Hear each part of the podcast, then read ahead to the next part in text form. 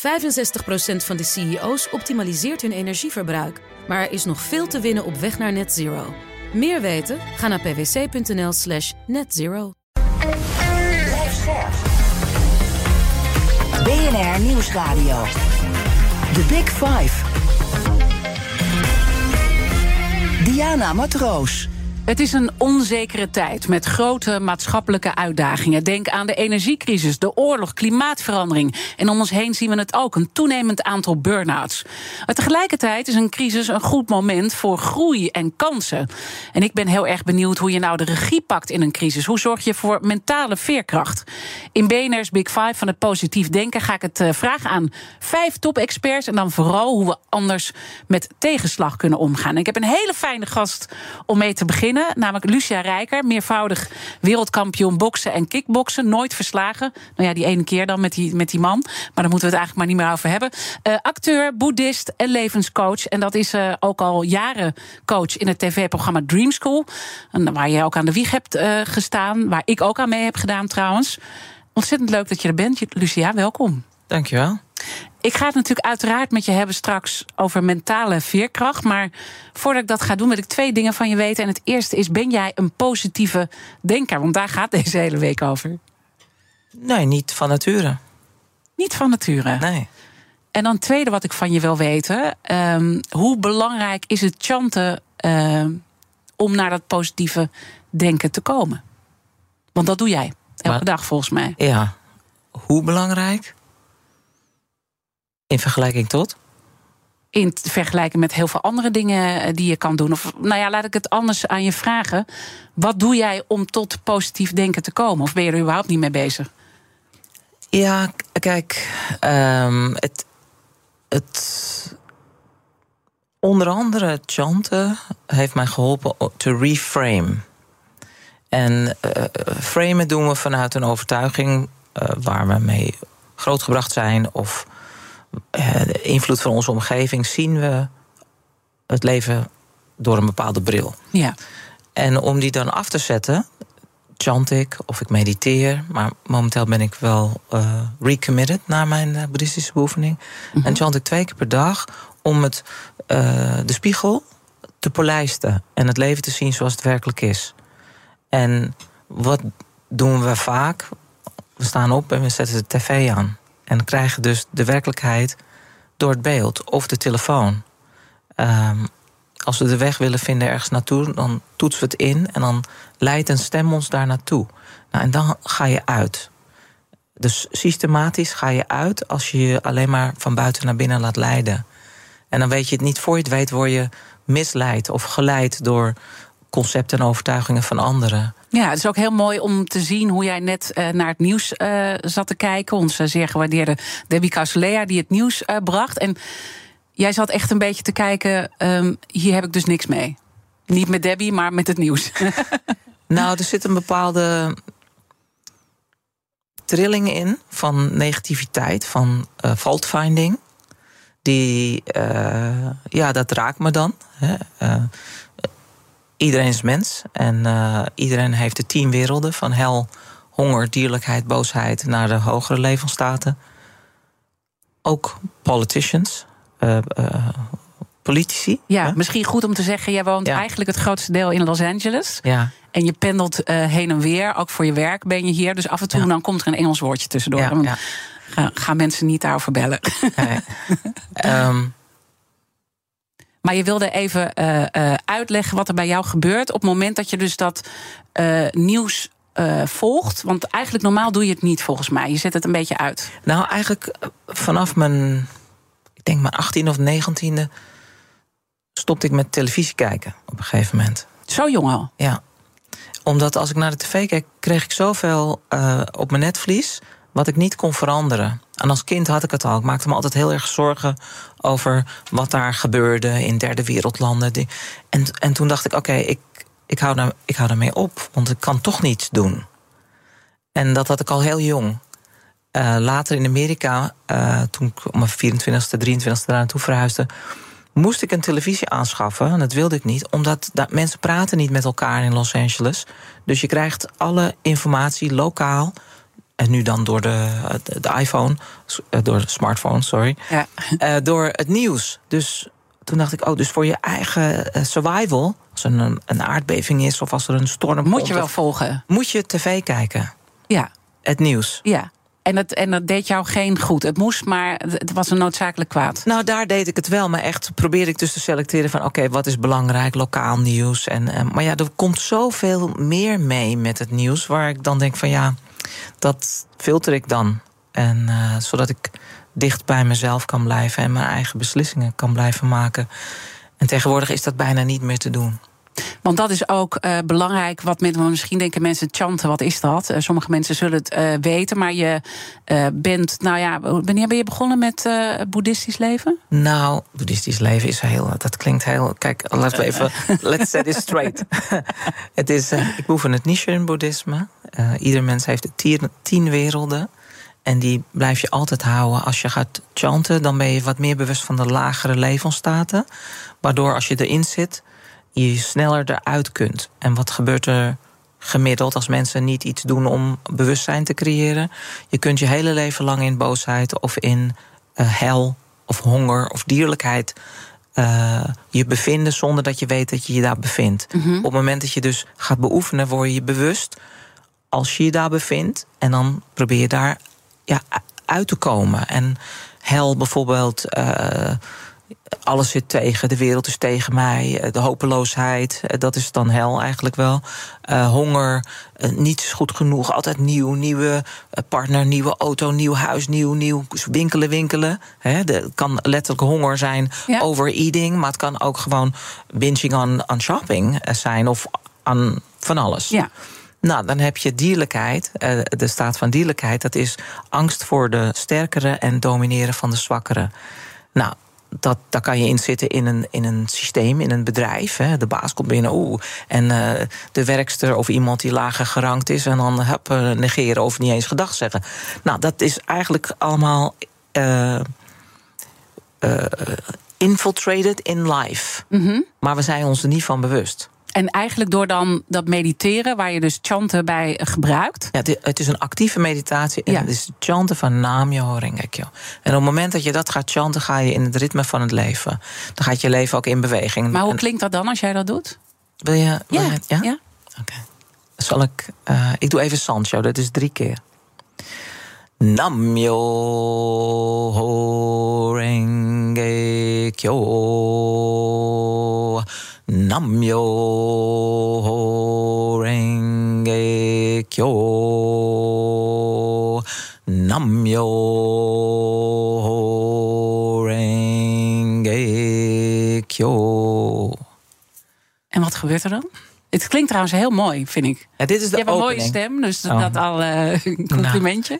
Dit is de opening en dan ga je Namyo ringegyo, namyo ringegyo, namyo ringegyo, namyo ringegyo, namyo ringegyo. Een soort paardrijden en daar zet je je leven mee in beweging.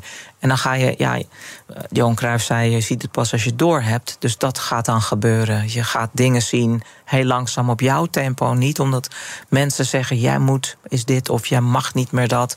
Maar omdat je zelf eh, heel langzaam ja, wakker wordt naar ja, oorzaak en gevolg in je leven, maar ook naar eh, hi- hidden tendencies. Dus, eh, dus Het is echt een spiegel om, om dus eigenlijk jezelf echt aan te kijken wie je bent in het hier en nu. Dus door dat te doen. ja, en welke spiegel jezelf? kijk je in? Weet Ja. je? Want je kunt in een gewone spiegel kijken en je kunt vol kritiek alles afvuren op jezelf. Van, oh, kijk dan, die pumpel op mijn neus, oh, mijn haar zit niet. En oh, ik moet mijn wenkbrauwen epileren. En dan, Ja, maar ik dat is ook een spiegel. hoor. Ja, ja. dat is ook een spiegel. Maar die, wat projecteer je op de spiegel? Dus wij chanten dan naar een paper scroll. Dat is een eh, mandala waar het leven, waar het leven opschreef zoals hij het zag. Met alle elementen, hidden elementen van het leven daar ook in.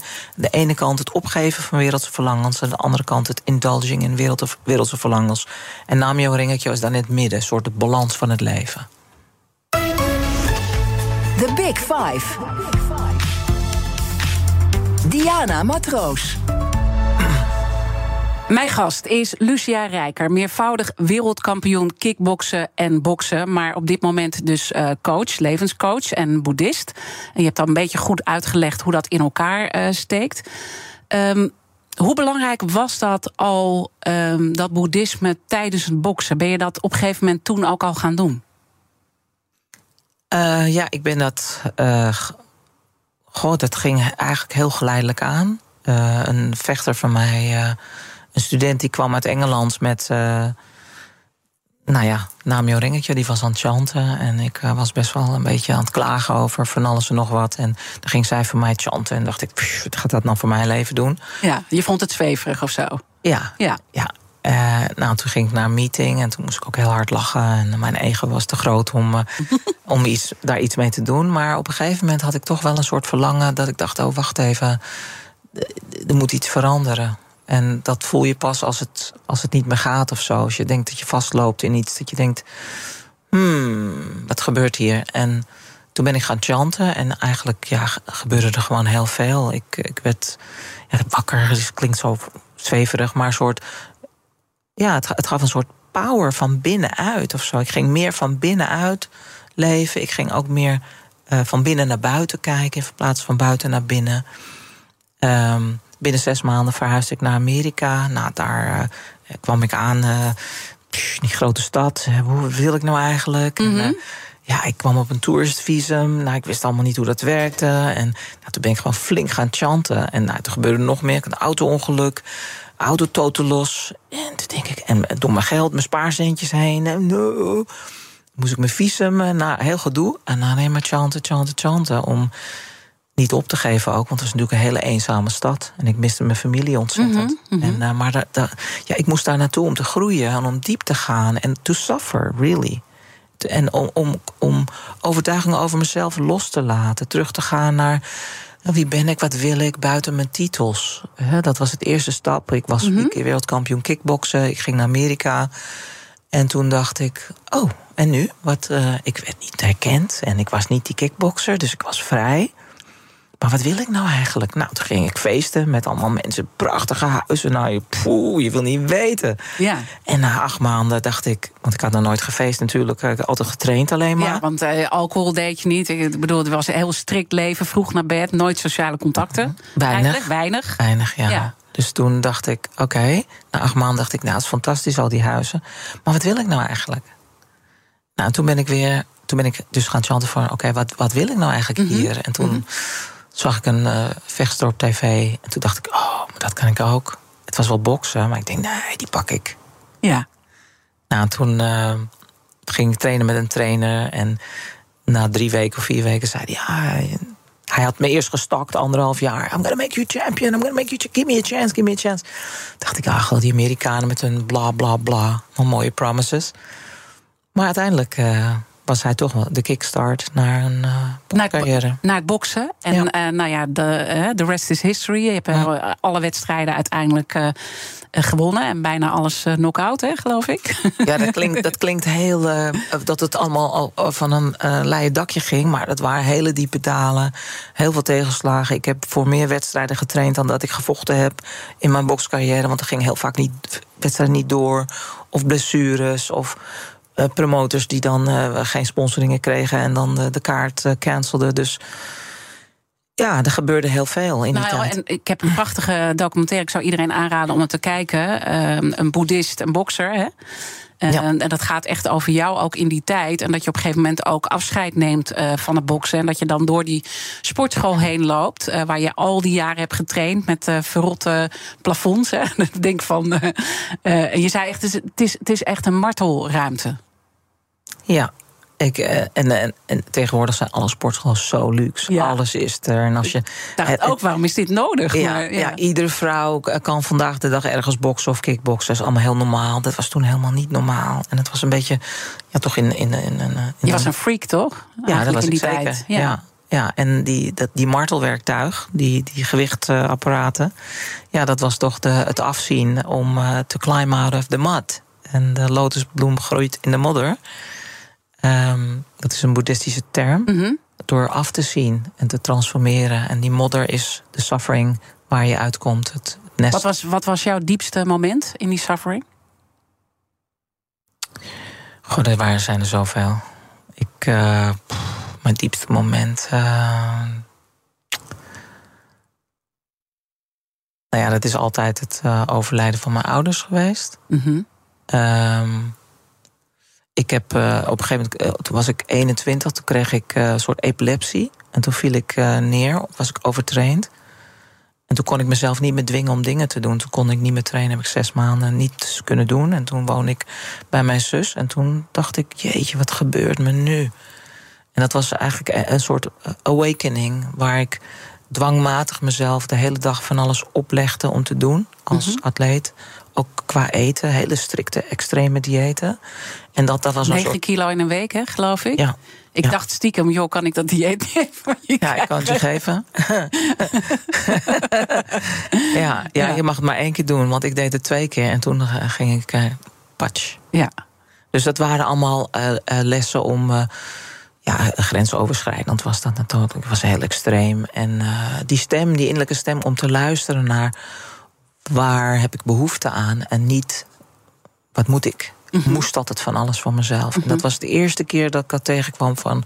luister nou eens naar die stem die jou leidt. En niet naar die have to's. Ik moest altijd. En Ja. en, ja ik kon Maar, niks die, meer. maar dat, dat moeten, had, had dat niet ook met een drive te maken waar je vandaan kwam? Ik bedoel, je bent opgegroeid in eh, Amsterdam-Noord. Niets mis met Amsterdam-Noord overigens. Maar ehm, ja, het was niet makkelijk waar je vandaan kwam. Je, je was ook echt Nou. letterlijk een vechter. Ja, het is interessant, want Amsterdam-Noord is nu een keurige buurt. Maar in mijn tijd was 75% werkloos in Amsterdam-Noord. Dat was echt wel een, eh, een buurt. Ehm, ja, dus ik heb echt moeten knokken. En dat is niks verkeerds mee. Maar op, kijk, je krijgt allemaal een les. Het- je kan niet zeggen van nou, eh, je moet knokken als je uit een eh, moeilijke eh, buurt komt. Eh, op een gegeven moment kom je een soort grens tegen. En dat is weer groei. En je kunt eh, je suffering of je upbringing gebruiken als hout, hè, als drive, hè, to become an overachiever. Veel overachievers, of je nou atleet bent of heel succesvol ergens in, is een overachiever. Die moet op een gegeven moment gaan kijken van waarom ben ik nou een overachiever? Waarom wil ik nou zo graag met mijn hoofd boven iedereen uitstijgen? Wat is dat? En dan ga je terug en dan denk je, oh wacht eventjes Ja. wacht even, er zit een soort inferiority complex onder. En ga daar maar eens naar kijken, want we zijn natuurlijk allemaal gelijk. En als je daar naartoe kan, dan hoef je niet meer te overachieve so much. Ten koste van je eigen behoeften. En die reis heb je echt gemaakt. En eh, wat, wat ik ook heel bijzonder vond eh, bij jou om te zien, je werd recent geëerd eh, in de International Boxing Hall of Fame. Je zat bij op één en daar was je heel nuchter over. En je merkte ook dat je die complimenten daarover vond je ook lastig om mee om te gaan. Klopt dat? Ja, ja, ja, dat heeft twee kanten. Ehm, sorry. Wil je wat water? Eh, ja, Dan moet ik wel water hebben. Oh, ik heb nee, ook, nee, wacht maar. wel- Is goed, Oké, dat gaan we zo Ja. regelen. Gaan we zo regelen. Ehm, het heeft twee kanten. Aan de ene kant is het belangrijk om te eren wat ik bereikt heb. En aan de andere kant is het, een, een, is het de weg die ik bewandeld heb, die voor mij het belangrijkste is. En niet het bereiken. Want het gaat om de groei en de diepgang. En niet om de awards. Want die kun je gewoon het raam uitgooien. Dat betekent eigenlijk niets. Alleen de suffering en de transformatie. En als ik dan naar de Hall of Fame ga kijken met al die overachievers, dan zit daar een heel groot percentage met hersenbeschadiging tussen. Dus die zijn heel ver gegaan to be somebody, to be loved, to be seen, to be respected. En, en ja, dat vind ik dan, ehm, ehm, dat raakt me dan. Ja. Ja. Dat heb je natuurlijk zelf ook gedaan. Ja, zeker. Ik, eh, ik wilde daar ook uitklimmen en ik wil ook, wilde ook zo graag gezien worden. En er is niks mis mee. Dankjewel. Um, maar soms betaal je daar ook een hoge prijs voor. En ik wil mensen niet ontmoedigen om je doelen hoog te stellen. Want je brengt ook tegelijk je potentie naar boven. Dus het gaat om de reis en die transformatie. Maar niet om het, om het einddoel. Om de achievement. En ik zag een, eh, een, een filmpje van jou eh, voor de Bijkorf, was het volgens mij. Dat gaat ook over wie ben ik. En dan zeg je uit balans, in balans, uit balans, in balans. Is dat Ja. ook wat je nu bedoelt aan te geven? Dat je daar steeds mee bezig moet zijn? Nou, wat ik bedoelde in, in, die, eh, in dat filmpje, uit balans, in balans, dat je kunt uit balans zijn en, en de, de, de balans vinden in de uitbalans. Dan ben je ook in balans. En dat klinkt heel vreemd. Eh, Een voorbeeld. Je bereidt je voor voor iets, je hebt je best. Ja, moeten we eruit? Oh. Nee, nee, ga maar, maak maar even af. We moeten er wel zo uit. Ja, je, kent het, uh, je kent het uh, ritme hier. Als je je adem in gaat houden, denk ik... Hey. um, je bereidt je voor voor iets... maar je weet dat je niet optimaal hebt kunnen voorbereiden... maar je zoekt het centrum op. Dat je je uiterste best gedaan hebt... en je laat de uitkomst los. Boom. Dus je bent eigenlijk uit balans, je bent ziek... of je bent geblesseerd of wat ook wat voor obstakels je ook hebt, je laat ze los. Boom. En dan ben je optimaal, want dan kun je voluit uh, alles aanroepen in dat moment. En dat is in een gevecht ook zo. Of je nou geblesseerd bent of wat er ook was in je voorbereiding. Op het moment dat je het moment volledig accepteert zoals het is, boom, zit je meteen weer in balans. En dan moet je dus loskomen van je ego. Ja, dat is een, dat is een andere uitzending. Want die, dat ego is zo'n complex woord. Oké. Dan denk ik dat we daar gewoon zo meteen over gaan verder praten. Overigens, morgen dan is leiderschapsexpert Ben Tichelaar bij mij te gast. Abonneer je alvast op onze podcast via je favoriete podcastkanaal. Dan weet je zeker dat je niets mist. En straks praat ik uitgebreid verder met bokslegende Lucia Rijker over mentale weerbaarheid. En ook wat dat nou te maken heeft met ons ego. Misschien kan je ook nog wat concrete tips geven om uh, een beetje soul searching te doen. Blijf luisteren. 65% van de CEO's optimaliseert hun energieverbruik. Maar er is nog veel te winnen op weg naar net zero. Meer weten? Ga naar pwc.nl slash netzero. Business Booster. Hey ondernemer, KPN heeft nu Business Boosters. Deals die jouw bedrijf echt vooruit helpen. Zoals nu, zakelijk tv en internet, inclusief narrowcasting... de eerste 9 maanden voor maar 30 euro per maand. Beleef het EK samen met je klanten in de hoogste kwaliteit. Kijk op kpn.com slash businessbooster. Business Booster. BNR Nieuwsradio. The Big Five. Diana Matroos. Mag je wat zachter? Hij mag wat zachter. nou, ik ga, we gaan gewoon heel zachtjes praten. Okay. Uh, welkom bij het uh, tweede halfuur. Deze week praat ik met vijf kopstukken, hoor je net? Ik ben heel zacht ja. aan het praten. Uit de wereld van het positief denken. Later deze week praat ik nog met Elke Gerard, gepromoveerd psycholoog en topvrouw van Better Minds at Work. Mijn gasten vandaag, je hoorde de stem al even, is uh, Lucia Rijker. Meervoudig wereldkampioen kickboksen en boksen. Maar ook acteur. je hebt natuurlijk in die in, nou, Oscars ook gekregen. Hè? De Million Dollar Baby, zeg ik dat goed? Million Dollar Baby. Uh, met. Uh, nou, help me even. Ik ben, ik, ik Clint Eastwood en Hilary geheugenverlies. Ja. ja. En je bent uh, levenscoach. Komend half uur wil ik in ieder geval nog twee onderwerpen met je bespreken. Namelijk het helpen van jongeren. Ook vanwege jouw rol als de coach in het tv-programma Dream School. En het trainen van mentale weerbaarheid. Uh, we gaan straks die mentale weerbaarheid een beetje trainen. Dan kan iedereen een beetje met goede tips uh, de deur uit. Um, maar eerst wil ik nog even de kettingvraag aan je stellen. Want mijn gasten stellen elkaar vragen via ja. de kettingvraag. En in de vorige aflevering sprak ik met Esther de Lange, Europarlementariër voor het CDA en vicepresident van de Europese Christen-Democraten. Zij was de gast in een Big Five Europees machtsspel en ze had deze vraag voor jou. Wat mij fascineert is dat zij in Dream School uh, jonge schoolverlaters helpt hè, om iets van hun leven te maken. En dat zijn vaak niet de makkelijkste uh, figuren. Nu werk ik binnen mijn fractie, ik zeg het al, 180 man, ook met hele grote ego's.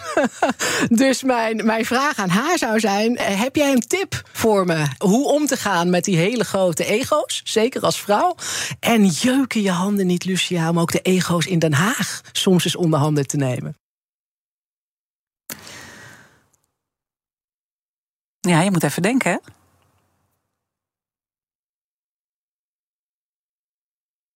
Um, hoe, sterker en more capable your opponent, hoe groter de mogelijkheid om je potentie naar boven te brengen. Dat is, dat is één. Um, ego's, ja, die, die hebben we allemaal. En soms uh, is dat ook een opportunity voor jezelf om te transformeren, want het kan ook een reflectie van jezelf zijn. Um, mensen willen controleren en we zijn machteloos over andere mensen. Iedereen heeft een potentie.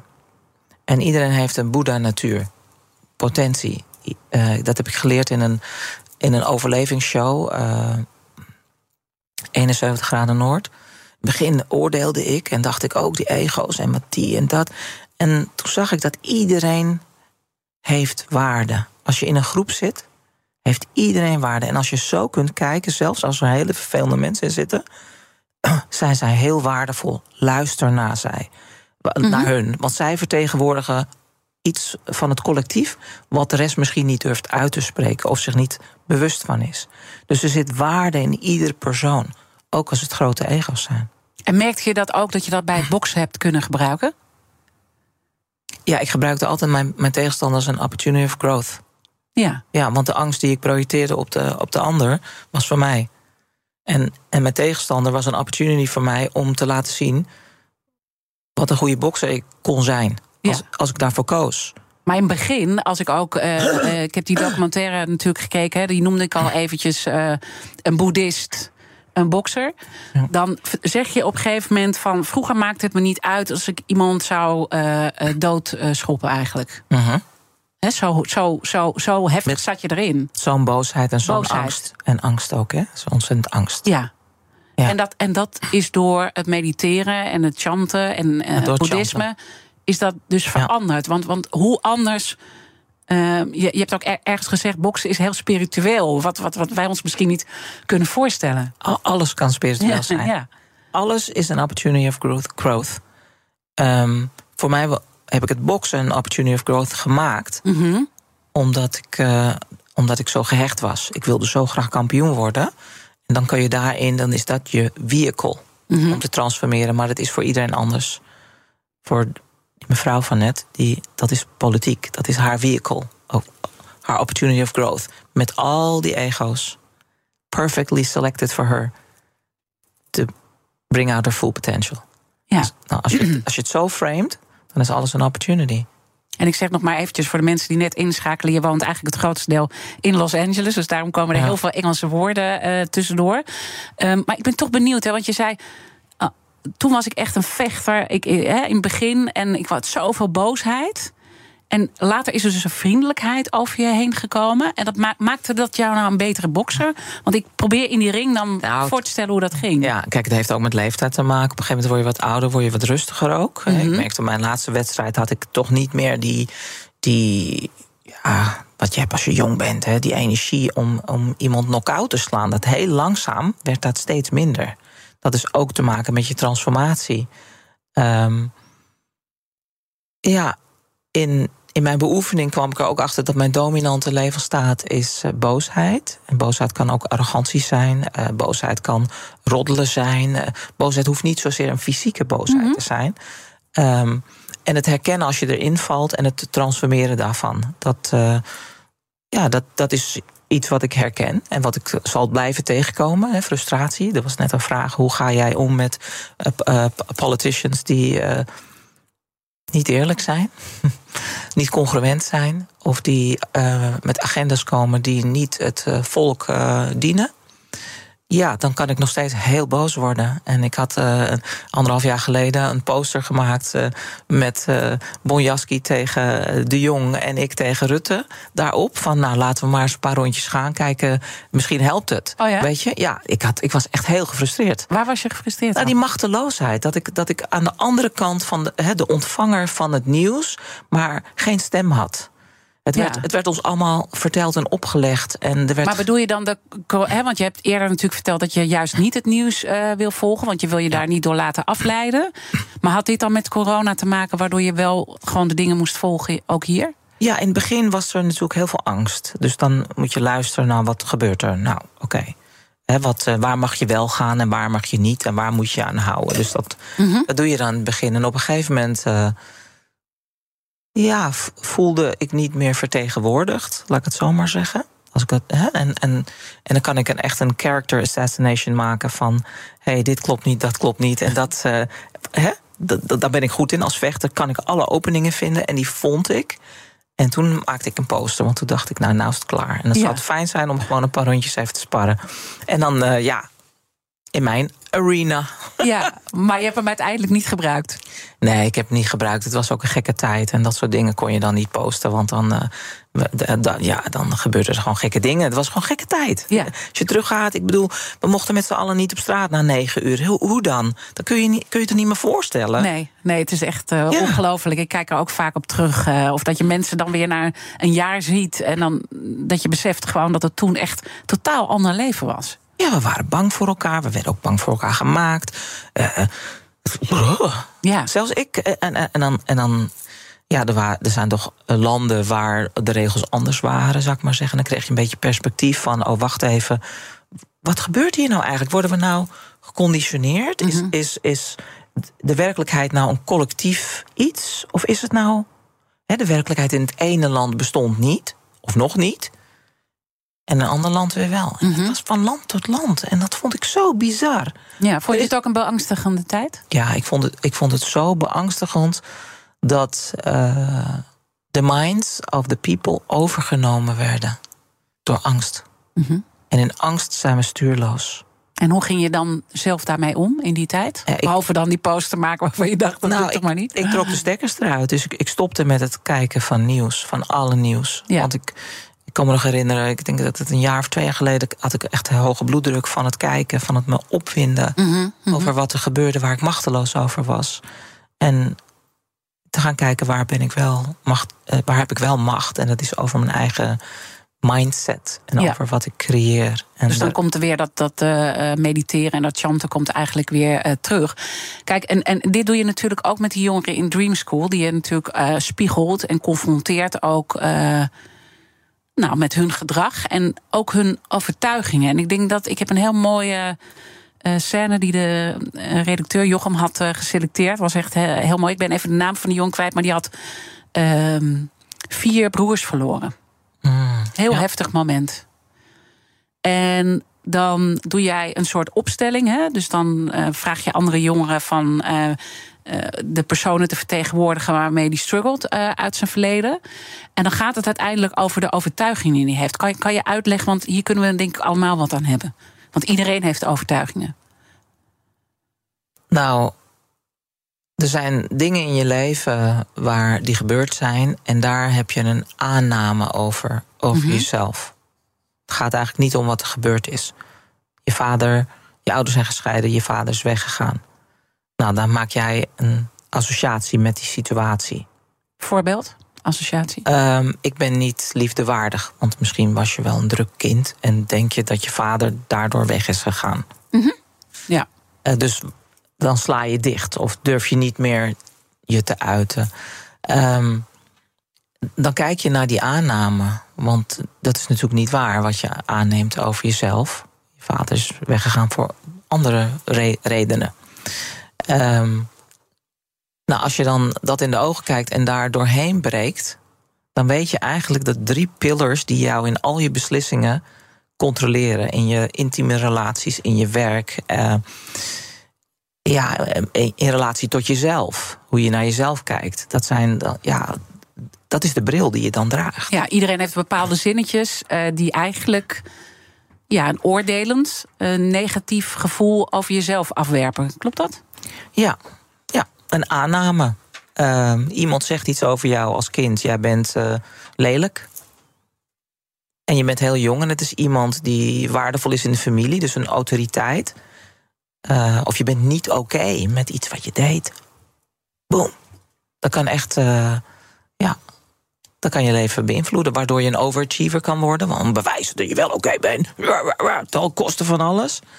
Um, en als je, dat dan, als je daarna gaat kijken, dan denk je: oh, wacht eventjes, dat is een aanname. En dan kan je eraan gaan werken. En, en je ja, gaan affirmeren dat je wel oké bent. En herkennen waar je oké bent of waar dat overachieven vandaan komt. 65% van de CEO's optimaliseert hun energieverbruik. Maar er is nog veel te winnen op weg naar net zero. Meer weten? Ga naar pwc.nl/slash netzero. Hardlopen, dat is goed voor je. En Nationale Nederlanden helpt je daar graag bij. Bijvoorbeeld met onze digitale NN Running Coach... die antwoord geeft op al je hardloopvragen. Dus, kom ook in beweging. Onze support heb je. Kijk op nn.nl slash hardlopen. BNR Nieuwsradio. The Big Five. Diana Matroos. Je luistert naar BNR's Big Five van het positief denken. Morgen dan praat ik met Ben Tigelaar, gedragswetenschapper en expert op het gebied van leiderschap. En mijn gast vandaag is Lucia Rijker, bokslegende, boeddhist en coach. Uh, natuurlijk gaat die kettingvraag uh, door naar morgen. Wat zou jij aan Ben willen vragen? Ga je wel eens uit je plaat? Wat een mooie vraag. En is het belangrijk om uit je plaat te gaan? Ja, en hoe, hoe, hoe, doe je dat, Ben? Dus ga je wel eens uit je plaat en hoe hij dat uh, doet. Ja. Dat ga ik hem zeker morgen vragen. Overigens zit hij in, een, uh, uh, in de nieuwe serie van het tv-programma ja. Dream School, hè, volgens ja. mij. Ja. Maar dat moeten we allemaal nog gaan zien. Ja. Was hij een beetje een goede coach? Nou, dat gaan we zien. Ja, je hebt niet even een tipje van de sluier. nou ja, hij is heel, toch wel gefocust op ondernemers. Ja. En met een hele mooie intentie wilde hij de jongeren de toekomst wijzen. Van als je dit doet, dan hè, dat. En als je dat doet, dan dat. Maar de jongeren zitten heel in het moment. Die willen nu meteen instant gratification. Ja. Dus uh, ja, we gaan het zien. Dus het is ook een spiegel natuurlijk. Ik merkte zelf toen ik uh, nou ja, ook een van de docenten was in uh, Dream School... dat ik het ook heel confronterend vond. Want ze gaan natuurlijk ja, de hele tijd dingen doen die jij niet wil. En dan moet je ze wel in het gareel zien te houden en toch motiveren. Nou, ik denk dat het om verbinden gaat. Dat het, het is zo complex. Dreamschool is zo complex. Het is een spiegel van onszelf. Alle leraren krijgen een spiegel. Uh, wij worden ook geconfronteerd met onze eigen negativiteit en onze projectie en need to control. Uh, en dan leren loslaten, maar ook holding space. Dat, dat blijven zien naar de potentie van de jongeren, ondanks dat zij al hun negatieve uh, overtuigingen proberen waar te maken. Dat is de kunst. En je zegt dan ook vaak van het gaat om verbinden uh, vanuit gelijkwaardigheid en niet vanuit ongelijkwaardigheid. Ja. Is dat iets wat we allemaal kunnen leren? Even los Ja. of je nou met een jongere uh, in de clinch ligt of met wie dan ook. Ja, ik, ik wou nog even iets zeggen over menselijkheid en over positief denken. Ja. Soms kan positief denken sugar on shit zijn. En wat bedoel ik daarmee? Dat je, je hebt wrok en je zit helemaal tot hier, maar je gaat dan zo van hallo. En Ja. wat voelbaar is, is dat je denkt, "Oh, dat. I hate you. Ja, dat. alles is voelbaar. En Ja. wa- wat ik dan doe, en wat ik ook met de jongeren in Dream School doe, dan ga ik s'avonds, als ik nog thuis kom, leg ik allemaal stickies neer. Dan schrijf ik hun naam erop en dan ga ik helemaal uit mijn plaat. Alles wat ik denk, wat ik echt denk, nou, ik kan echt uit mijn plaat gaan. En dat, ik ga ook in Dream School deze keer uit mijn plaat. For a reason. Ehm, eh, dan ga ik uit mijn plaat naar alle jongeren. En daarna zeg ik wat ik ook zie. Want die ruis die neem ik mee de volgende keer in het programma. Dus als jij hier in de studio met een aantal collega's zit, eh, eh, vooral die political person, die mevrouw Esther Lange, ja. ja, Esther, mijn advies. Leg een sticky neer van die ego's, van die mensen. en een zeg- sticky, wat bedoel je daarmee? Zo'n sticky, zo'n geel dingetje. Oh ja, ja, ja. Zo, zo, ja zo'n post-it, zo'n geel. Zeg, eh, post-it. Ja, ja, ja. ja. Zo'n post-it met de naam erop van die persoon. Die leg je neer. Je zorgt dat je in een soundproof kamer zoals hier zit. En je gaat helemaal uit je plaat. En je zegt een keertje helemaal wat je echt denkt van die persoon. Mhm. En daarna zeg je de potentie wat je ziet. Ga ze allemaal maar af. En dan echt helemaal los. Want de volgende keer dat je ze ziet, is de ruis weg tussen jullie. Want het is altijd een uitwisseling op een ruis. Dus ja. de gedachten die je uitstuurt. Heen en weer. En is dat ook waarom je van Ben wil weten of hij wel eens uit zijn plaat gaat? Ja. Omdat het, het moet dus uit je plaat gaan is goed. Het moet eruit. Woede moet eruit. Nou, weet ik niet. Ik ben gewoon nieuwsgierig naar hem. Hij is altijd zo controlled en hij doet allemaal zo perfect en goed georganiseerd. En dus ik ben echt nieuwsgierig naar waar is hij, where is he messy? Ja. Weet je, waar gaat hij helemaal los? Eh, ja, daar ben ik heel nieuwsgierig naar. Ja, ik, ik ben daar ook heel nieuwsgierig naar. Daar kan ik even over nadenken, want daar hoort het vast eh, nu. Maar eh, wat, wat zou hem het kunnen brengen als, als, als hij meer tot dat punt komt? Of als ik meer tot dat punt kom? Misschien vind je mij, vind je mij in control? Of ik jou in control vind. Goh. Ja. Weet ik niet, een beetje. Soms. Weet je soms. Ja. Ja, met die auto vanmorgen. Ja, ik heb echt zoiets doms gedaan. Nee, helemaal niet. Dit is alweer oordelen. Ja. Ik heb iets doms gedaan. Nee, er is iets gebeurd. Ja, En je- ik ben mijn je- autosleutel, voor, voor iedereen die luistert... ik ben mijn autosleutel kwijtgeraakt. Eh, ik had een vroege afspraak eh, hiervoor. En ik kan hem gewoon niet eh, vinden. Dus eh, mijn man heeft gelukkig mijn auto nu met een reservesleutel Nou. opgehaald. Maar ik wa- was echt zo pist op mezelf... dat die eh, sleutel ben kwijtgeraakt. Useless. Ja. Opportunity. Oké, je hebt hem misplaatst. Hoe komt dat? Ben je te druk? Was je te veel in je hoofd? Was je te weinig in je lichaam bezig met waar, hè, je sleutel pakken? Nou, maar was je al alleen maar bezig met of het programma of de tandarts of al de hele dag aan het plannen? Nou, opportunity. Hey, even een stapje terug. Ademen, meer mindfulness. Ja. Even misschien s'morgens een staande meditatie doen.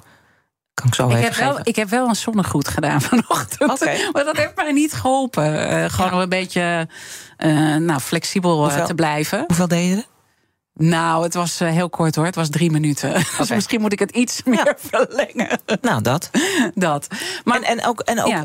de, de, de positives. Eén, heb je een auto om een sleutel van te hebben? ja. Twee, heb je hulp om je te helpen daarmee? Drie, gaan er fantastisch veel taxis in Nederland? Vier, kan je die taxi ook betalen? En vijf, was je perfect hier op En ik tijd? had een hele leuke taxichauffeur trouwens. Een leuke taxichauffeur. Ja. Nou, ik en had toen een- stond jij er toen ik hier binnenkwam. Kreeg Was- een grote huk. Ja, het was allemaal... mooi. En het, wa, het zat niks bijzonders in die auto. Als ze een pikken, maakte ook allemaal niet uit. Nee. Goed verzekerd. Eigenlijk was er niks aan de hand. Nee, klopt. Nou, kijk. Klopt. Als je hem dus zo eh framed... Ja. Nou ja, dan was het een opportunity.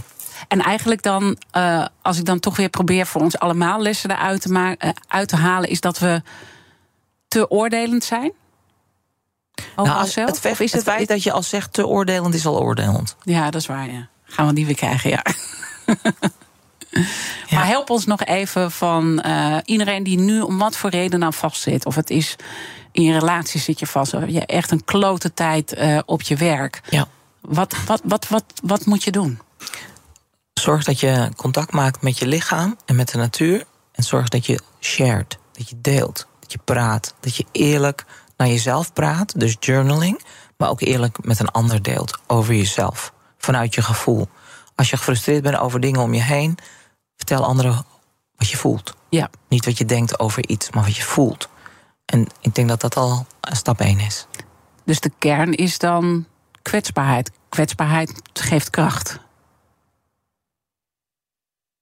Ehm, vind jij als je iemand zegt: Ik voel me verdrietig? Dat is kwetsbaarheid, hè? Mhm. Ja. Eerlijkheid. Gewoon eerlijk. Ja. En anders zeg je het niet tegen een ander, dan doe je de, de drie, vier A's. I admit, I acknowledge, I accept I appreciate. Nou, I admit, whatever you feel. Dat hoef je niet eens hardop te doen. Dat je bang bent. Ja. Oeh. Of dat je misschien niet knowledgeable genoeg bent voor de job of zo. Nou, acknowledge. Nou, dan ga ik naar mijn lijf. Ik zit, weet ik veel, waar je bent. I accept myself and my thoughts exactly the way I am right now. And I appreciate the opportunity to share my gifts and talents. Wat het ook is. Boom, weet kwijt. ja. Het kan nou heel simpel zijn, hè, eigenlijk. Ja. Dankbaarheidlijst kan ook. Wat heb je wel? Ja. Wat heb je wel? Ja. We hebben zoveel hier in Nederland. Mijn god. Ja, we hebben een heel, nou, dat, dat denk ik ook wel eens met al die crisis, weet je wel. Het is allemaal heel erg. En nogmaals, we willen het ook eh, met deze eh, Big Five niet bagatelliseren. Maar er gaat ook heel veel goed. We leven in een prachtig land, weet je wel. En, en dat zie je soms bijna niet meer door al die ellende heen. Dus dank je wel dat jij een beetje daar in de weg hebt eh, gewezen. En eh, ik zei al, oké, ik dank je. ga een keer met je chanten. Ik wil het toch, ik wil het, ik wil het leren. Dus dat vind ik eh, echt hartstikke leuk. Dankjewel. Dank Lucia Rijker, meervoudig wereldkampioen kickboksen, boksen en natuurlijk acteur en boeddhist. Alle afleveringen van BNR's Big Five zijn zoals altijd terug te luisteren. Abonneer je op onze podcast via onze app of je favoriete podcastkanaal. Dan weet je zeker dat je niets mist. Maar blijf hier de hele dag live. Zometeen Ivan Verrips met BNR breekt. Ik wens je een mooie dag. 65% van de CEO's optimaliseert hun energieverbruik. Maar er is nog veel te winnen op weg naar net zero. Meer weten? Ga naar pwc.nl slash netzero.